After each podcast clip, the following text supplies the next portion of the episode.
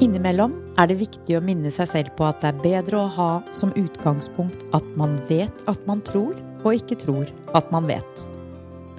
En fluksbok gir deg mer tilkobling enn avkobling. Flere spørsmål enn svar, og inspirerer til en åpen og nysgjerrig holdning til livet.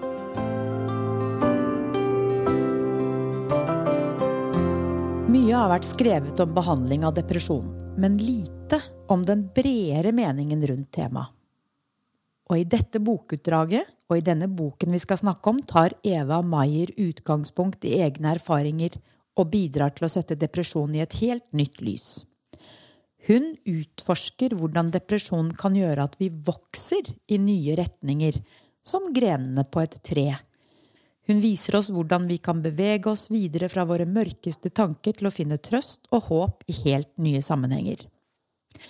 Eva Maier er 41 år og er en prisvinnende forfatter, filosof og musiker fra Nederland. Hun har også undervist i dyrefilosofi ved Universitetet i Amsterdam. Sjekk gjerne ut hennes andre bok også, Dyrenes språk, på Flux sine nettsider. I dag handler det da om grensen av mitt språk, som forteller om en gripende søken i de store og små ting. Her kommer et utdrag fra boken. En avslutning. Et hylster. En verden i en verden. Et selv i et selv. Tanker som lik gjøkunger trenger seg inn i andre tankers rede og nådeløst dytter de friske stesøsknene over kanten. En skygge som alltid er der, også i lyset. En bekreftelse, en sannhet, en illusjon tung sand i overgangen fra strand til vann. En sopp som vet å smyge sporene sine inn overalt. Støy, forsvinning, grått som suger opp alle farger til bare en erindring om farger er tilbake. Depresjon ligner sorg, og kan forårsakes av det. Det har visse likheter med angst og savn Samlebetegnelser for det som skjer når du mister noe, er redd for å miste noe, når du faller, har falt. Men det er noe annet.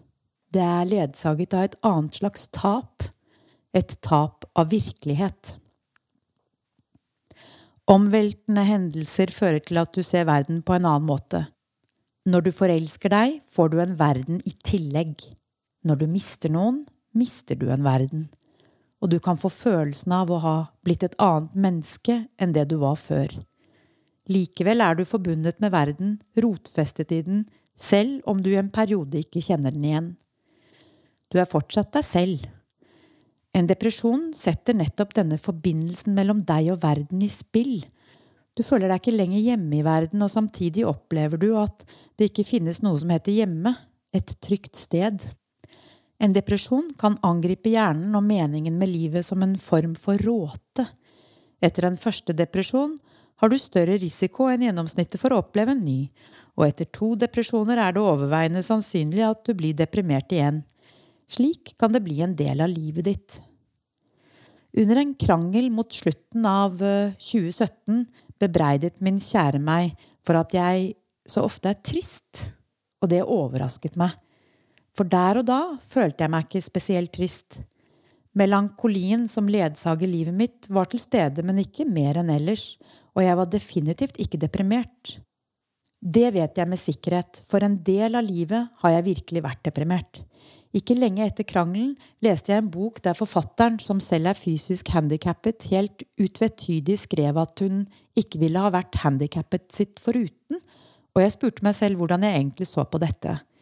Jeg mente lenge at livet mitt ikke var verdt å leve fordi bedrøvelsen så ofte veide tyngre enn lykken.